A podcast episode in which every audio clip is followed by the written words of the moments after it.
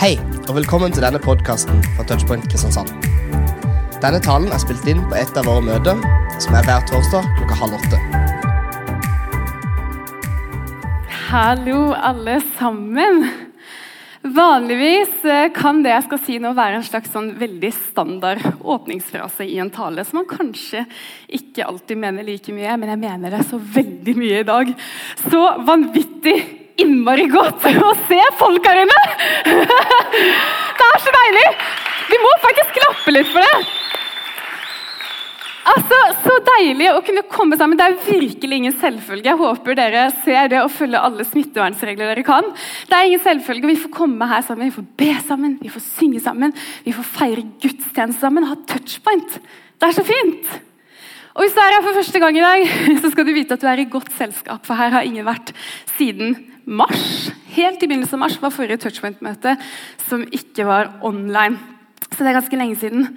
Men nå er vi her med antibac-ene og løftede hender. og jeg håper at du er klar til å møte høsten, og at du møter den med et åpent hjerte for hva Gud har for ditt liv, og en kropp som på en måte er klar til å møte opp på det som skjer også. Og Vi sparker denne taleserien og høsten i gang med 'Jeg er med'. For her på Touchpoint så liker vi å være litt i de temaene som vi snakker om. Vi liker å dykke litt dypere. Så hvis du ikke er vant til å være her, så vil du se at vi eh, ofte går inn i sånne temaer eller taleserier, som vi kaller det. Og koser oss der. Og snakker om ting ut ifra Bibelen. Og ser livet i lys av Bibelen. Og vi håper du er med på det. Og I denne serien så håper vi også at du ser på en måte det som er litt hjertet bak touchpoint. For Vi skal snakke om fire ting som handler om hvem vi er i Jesus. Og Siden det er første tale i serien på Tørsmann, så har jeg tatt meg noen friheter, så jeg skal bruke litt tid på å bare si litt om hver tale, så du vet hva du kan forberede deg på. Og Du skal få noen ikoner, så hjernen din har noen knagger å henge dem på. Det første ikonet her er en konvolutt. Det betyr 'jeg er invitert' spoiler, det vi skal snakke om i kveld. Du er invitert inn i Guds familie. Det neste er en diamant, og den står for noe veldig søndagsskoleaktig formulert verdifull. Vi tror at du er uendelig verdifull for Gud. Og det neste er en magnet.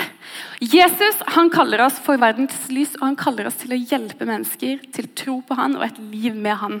Så Derfor har vi valgt å kalle den magneten betydningsfull. Og Den siste talen som er i denne serien, den har vi valgt å kalle engasjert. Der er det en sånn spire i en hånd. Jeg er engasjert i Guds rike verden, og det håper jeg at du vil være med på også.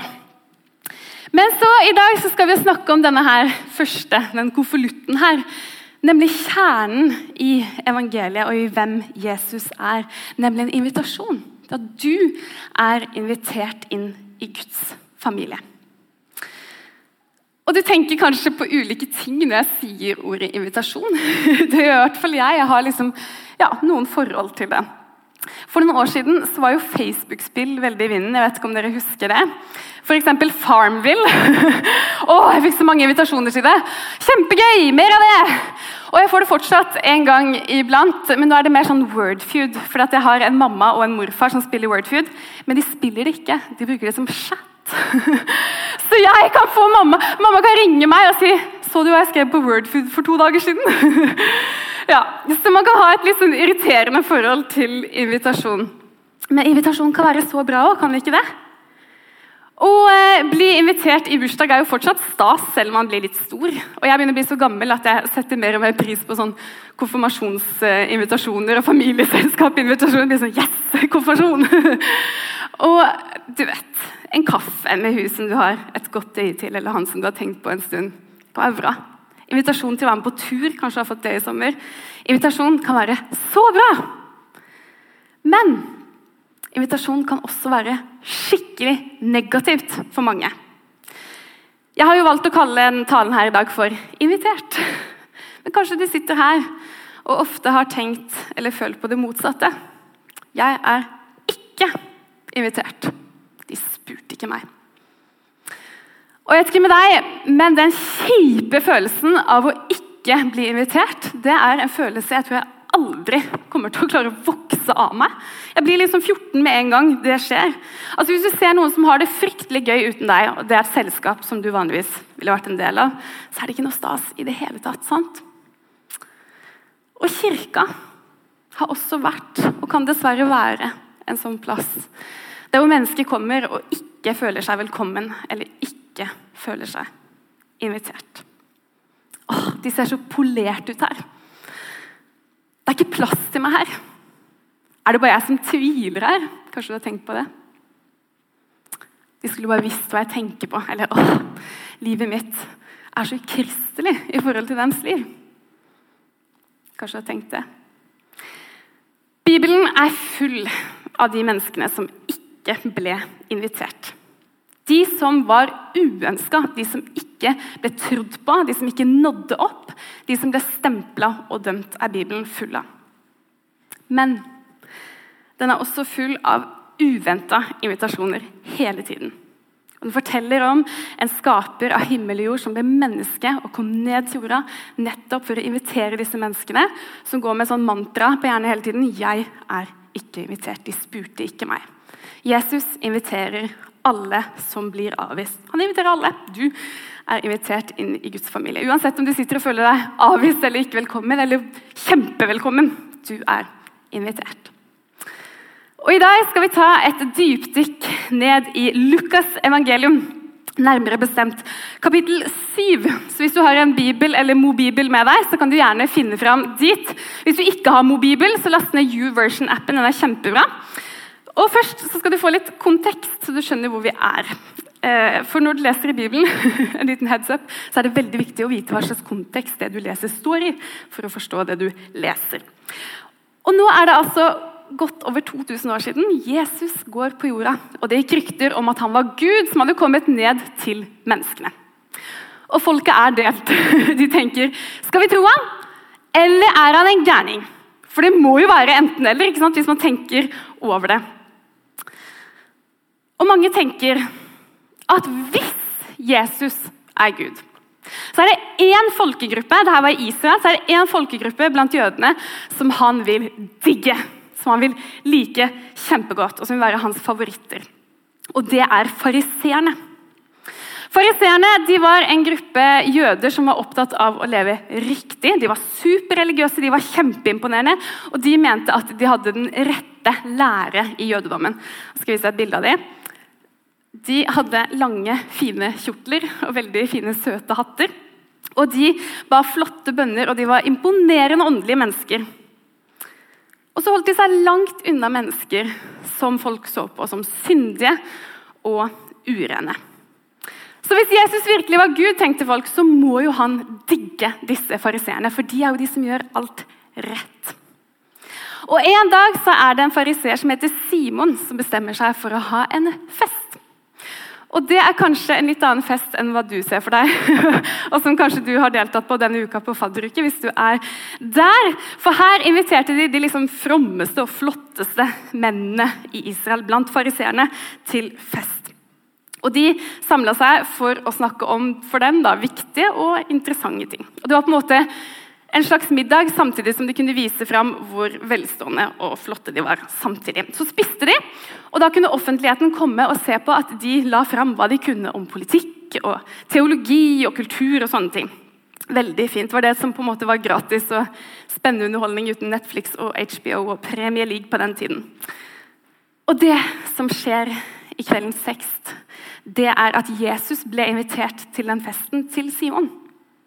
Og Mens de er der, så kommer det noen som ikke er invitert i det hele tatt. Og Det var veldig sjokkerende for fariseerne, for de ville aldri invitert en sånn person til en så viktig fest.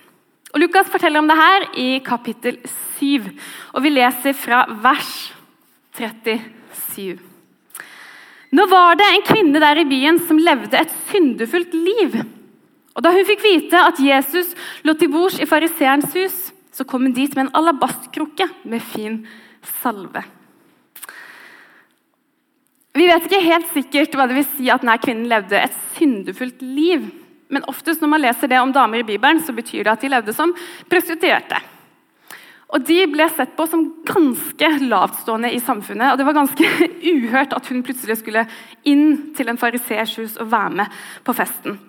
Og så leser vi videre snart at hun faller ned på kne foran Jesus. Som en slags sånn nydelig tilbedelseshandling. Og så har hun med seg en skikkelig sjelden og dyr parfyme eller salve. Og Den var verdt en hel årslønn. Jeg vet ikke om det finnes parfymer det gjør det sikkert, som er så dyre. Mine er ikke så dyr. Det var på en måte sparepengene hennes, det var BSU-en hennes, som hun gir til Jesus. Og Vi skal lese fra vers 38. Da har dere et lite bilde. Hun stilte seg bak Jesus nede ved føttene og gråt. Og Så begynte hun å fukte føttene hans med tårene og tørket dem med håret sitt. Hun kysset føttene hans og smurte dem med salven. Og Her må vi pause litt. For i dag i Norge, i hvert fall de fleste steder og kulturer, så er det 100% akseptabelt å gå med håret utslått. Men på denne tiden da dette skjedde, så ble det sett på som ganske uanstendig hvis en kvinne hadde håret utslått i offentligheten. Men denne dama jeg tipper hun hadde så dårlig tid. Hun bare måtte se Jesus, kanskje hun ikke rakk å ta på seg noe over huet engang. Og Hun møter Gud, og hun slipper følelsen løs, og hun kommer akkurat sånn som hun er. Og Det er ikke så veldig populært hos alle. Og Vi leser videre at Simon, som hoster festen, han tenker. Han sier ikke høyt, men han tenker. Det er litt kult. Han tenker Var denne mannen en profet? Ville han vite hva slags kvinne det er som rører ved ham? At hun fører et syndefullt liv? Så Simon tenker at siden her dama står med håret utslått uten noe som dekker, til og med tørker føttene til Jesus, æsj, så kan han ikke være Gud, for han må jo vite at dette det er jo en sånn dame som vi holder oss unna. Men så leser vi videre at Jesus viser at han ikke bare er profet og vet absolutt hvem den dama er og hva hun har gjort, men han er også tankeleser. Skal vi lese videre.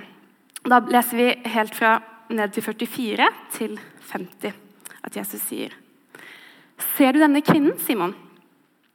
Jeg kom inn i ditt hus. Du ga meg ikke vann til føttene mine, men hun fuktet dem med tårer og tørket dem med håret sitt. Du ga meg ikke noe velkomstkyss, men helt fra jeg kom, har hun ikke holdt opp med å kysse føttene mine.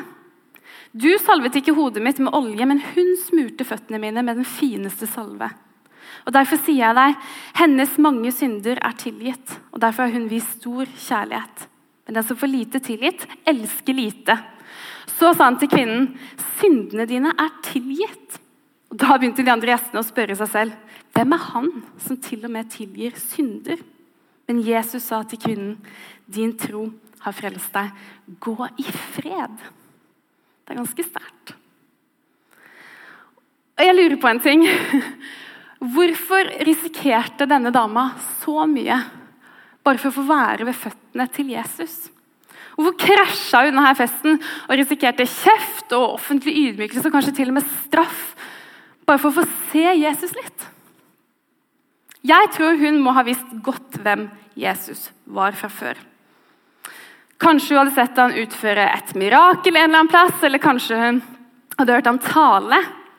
Og så hadde hun forstått at det her er ikke hvem som helst. Det her er ikke en gærning. Det her er Guds sønn. Og Mange mener at hun må ha hørt Jesus tale den dagen. Litt pga. nøden hun virker til å ha for å se Jesus. Ikke sant? Hun tar ikke på seg noe over hodet sitt engang, hun bare løper. Og Hvis det var denne dagen at hun har hørt Jesus tale, hvilken tale kan hun ha hørt da? Det sier ikke Lukas oss noe om, men Tidligere i dette kapitlet så sier Lukas at noen etterfølgere av en mann som het, eller de kalte døperen Johannes, de kom for å spørre Jesus om noe. Og I etterkant av det spørsmålet så holder Jesus en tale. Og Matteus han forteller oss en sånn parallellversjon av denne talen.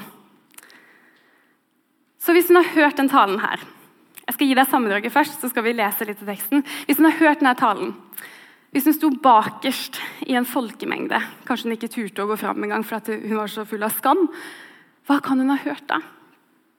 Sammendraget av det Jesus sa i den talen den dagen på den plassen, er at du er invitert til Guds familie. Du er velkommen, du er invitert. Du kan komme akkurat sånn som du er, sånn som du har det. Du er velkommen. Så skal vi lese et utdrag av denne talen Det står i Matteus kapittel 11, vers 28. Så sier Jesus, 'Kom til meg, alle dere som strever og bærer tunge byrder.' Ikke dere som har alt på plass, ikke dere som føler dere mestrer alt. Dere som strever og bærer tunge byrder, først og fremst. Og jeg vil gi dere hvile. Ta mitt åk på dere og lær av meg, for jeg er mild og ydmyk av hjerte. Så skal dere finne hvile for deres sjel. For mitt åk er godt, og min byrde er lett. Du er invitert. Du som har blitt avvist av mennesker gang på gang. Du som ble skuffa og såra av religion en eller annen gang. Du som har opplevd å få sår påført av andre. Jesus sier, 'Kom til meg, du er invitert'. Kom når du er overvelda, bekymra når du ikke vet hva du skal gjøre. Ta på deg mitt åk og lær av meg, for fred av meg. Du er ønska, du er elska, og du er invitert, sier Jesus. Og Legg merke til et par ting i den fortellingen om kvinnen som vi leste i stad. Som jeg tror at vi har veldig godt av å minne hverandre om ofte. At å peke ut denne kvinnens synder offentlig, det leda henne ikke ut av den livsstilen som hun hadde. Å dømme henne for det livet hun levde, det endra ikke måten hun levde på der og da. Å shame henne satte henne heller ikke fri fra fortiden sin. Hva var det som endra denne kvinnen, som fikk henne til å krype ned på kne foran Jesus og få syndene sine tilgitt? Jo, det må ha vært en invitasjon til å kjenne Guds sønn. Å få oppleve hans livsforvandlende nåde, hans kjærlighet og hans frihet. Jesus kom ikke for de friske, han kom for de syke. Og Det sier han selv, og det går gjennom hele Bibelen som et tema. Og Når en president settes inn i USA, så har han en liten tid på seg til å lage en sånn programerklæring. Som er liksom ok, dette er min business, det er det jeg skal gjøre de neste årene. Ja, Så får vi se om han klarer det. på en måte. Og Jesus han hadde også en sånn programerklæring som jeg synes er nydelig. og Den sier så mye om hvem han er og hans vesen, og hvorfor han kom hit til. Den skal vi lese. Den står tidligere i Lukas. Så sier Jesus, 'Herrens ånd er over meg, for han har salvet meg til å forkynne et godt budskap for fattige.'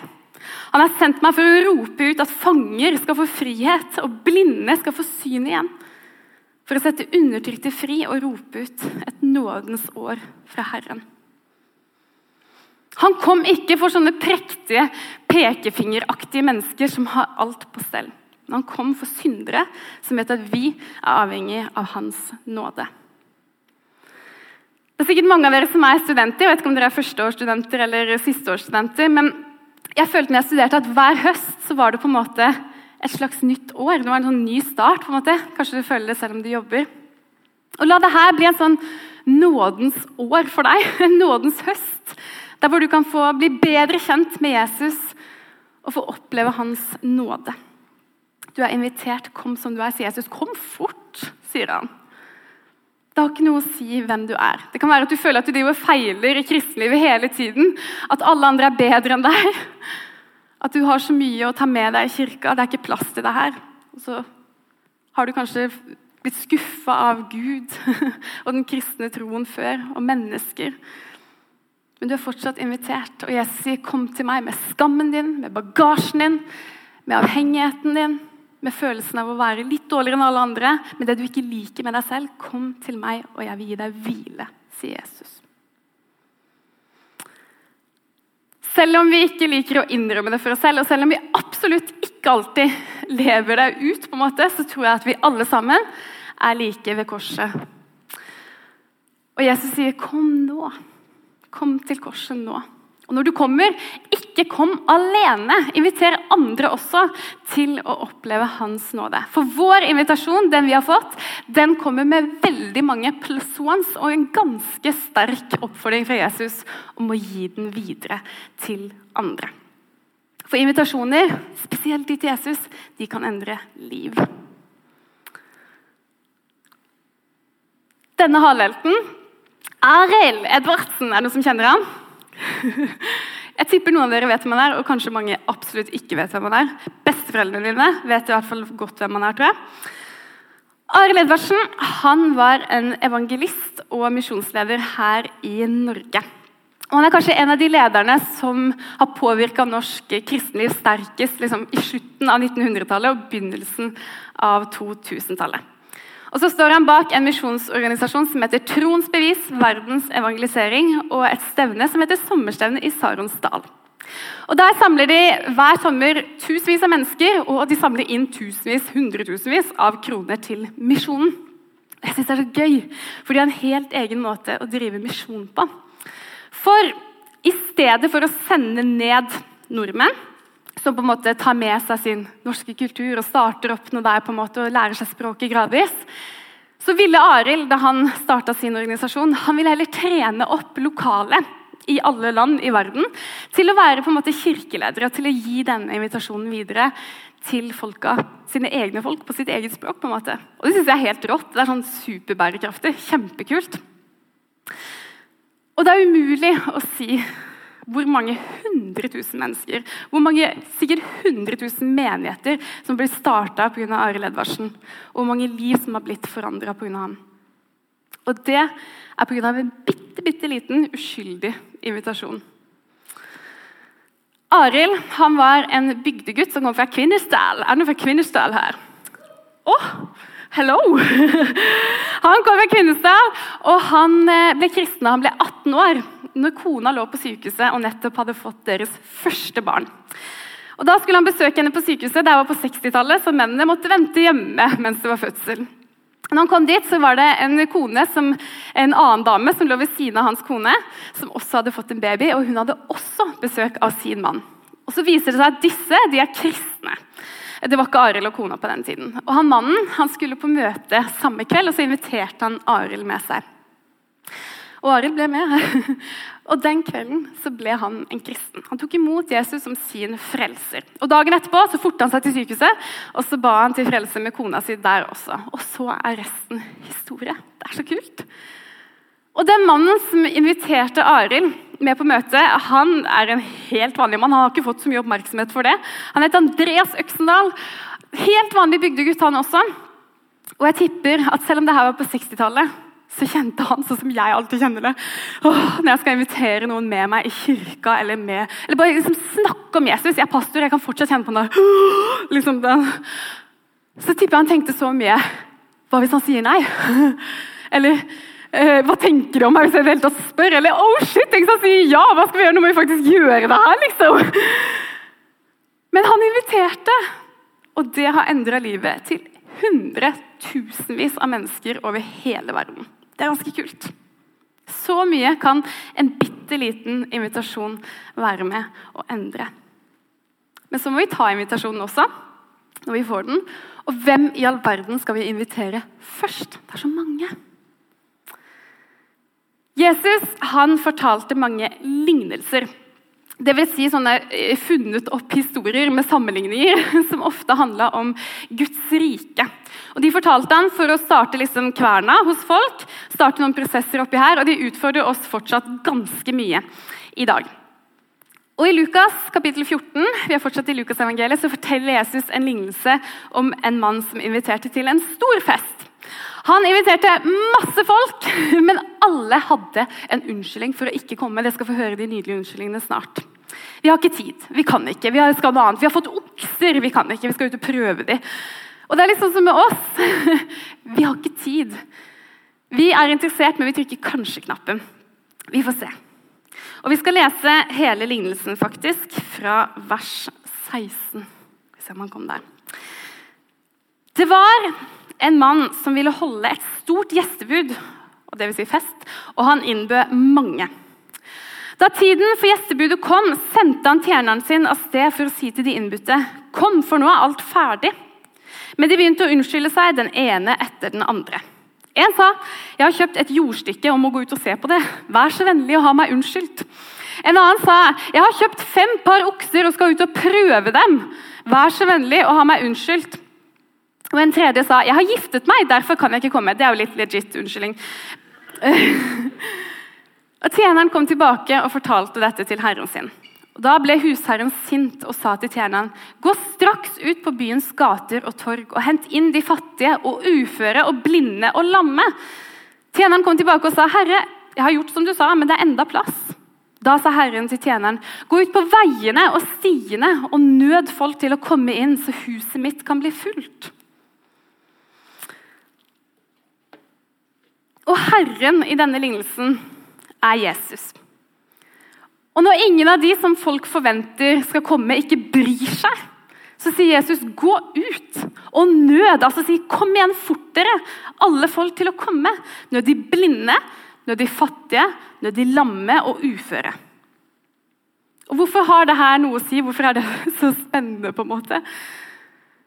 Jo, for at i disse dager så ble de som var uføre og lamme og blinde, de ble sett på som at hvis du var det, så hadde du gjort noe skikkelig galt for å fortjene det. Det er jo helt grusomt. Men Jesus sier at de, spesielt de, de er fortsatt invitert til min fest. Hent dem! Du skulle henta dem først. Og sønnen til Arild Edvardsen, han heter Rune, han fortalte eh, en historie fra Misjonsmarka for noen år siden. På et møte jeg var på. Da satt han med noen som nettopp hadde tatt imot Jesus. Og så spurte denne personen Rune hvor lenge har du visst dette? Hvor lenge har du visst dette? Og Den setningen det skrev jeg ned på mobilen min, og den har vært med meg i mange år. Til og med når jeg har bytta mobil, så har jeg forta meg å skrive det notatet over til neste mobil. Hvor lenge har du visst dette, Anna? Hvor lenge har du kjent Jesus, opplevd hans nåde, kjent hans godhet, før du fortalte meg det? Det er så ofte at jeg glemmer at Jesus nøder oss. Han sier, 'Kom igjen, fort deg til meg, til korset'. Ikke vær for opptatt for å komme. Ikke vær for kul til å invitere til Jesus. Det har ikke noe å si hvem vi er for å invitere. Det har ikke noe å si hvem vi er for å komme til Jesus. Vi er invitert uansett. Så til deg som er kristen her inne, kanskje du nettopp har blitt det, kanskje du har vært i en evighet, så vil jeg det deg en utfordring i dag. Skriv ned den setningen. Hvor lenge har du visst dette? Skriv det på mobilen din du også, eller bak øret. Hvor lenge har du visst dette? Hvem kan du invitere med deg inn i Guds familie? Det er jo et lett svar. Du kan invitere med deg alle. selvfølgelig.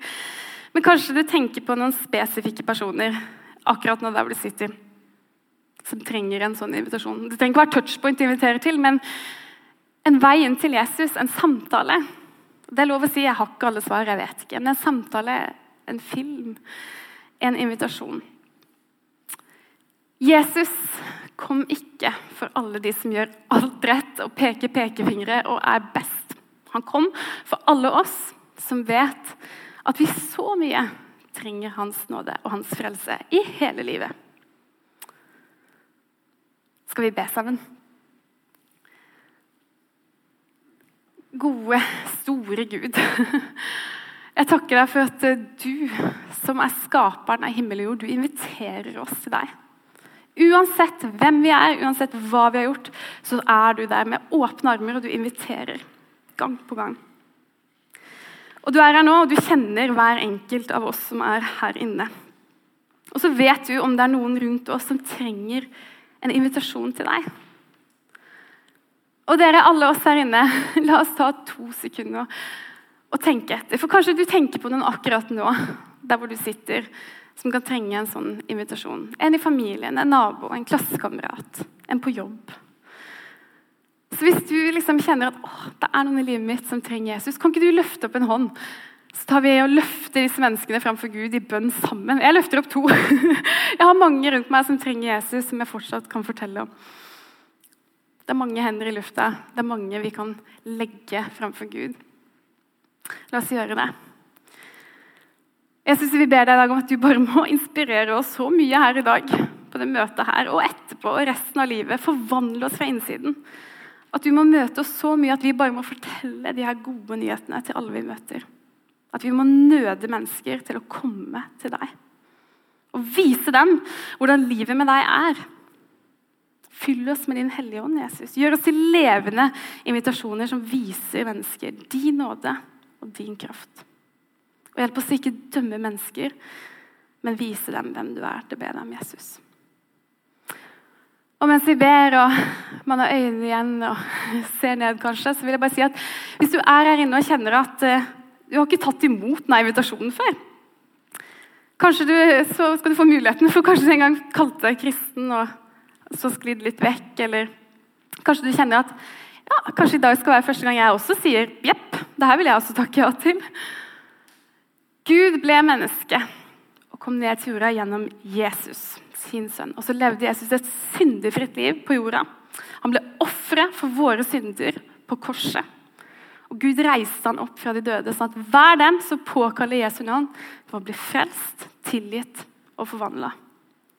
Og Det har ingenting å si hvem du er, hva du har gjort, eller hva du har tenkt. Jesus sier invitasjonen er til deg. Kom nå. Hvis du vil gjøre det og ta imot den invitasjonen, så kan du hvis du vil, der hvor du sitter, løfte opp en hånd som et fysisk tegn. Det er bare et fysisk tegn på at du har lyst til å ta imot den invitasjonen og si vet du hva, det her er for meg, og det her vil jeg også. Det er ingen som ser, og de her på scenen de, de snur seg. Så skal vi be en felles bønn høyt sammen etterpå, for ingen skal måtte be alene der hvor de sitter. Jeg ser noen hender i lufta.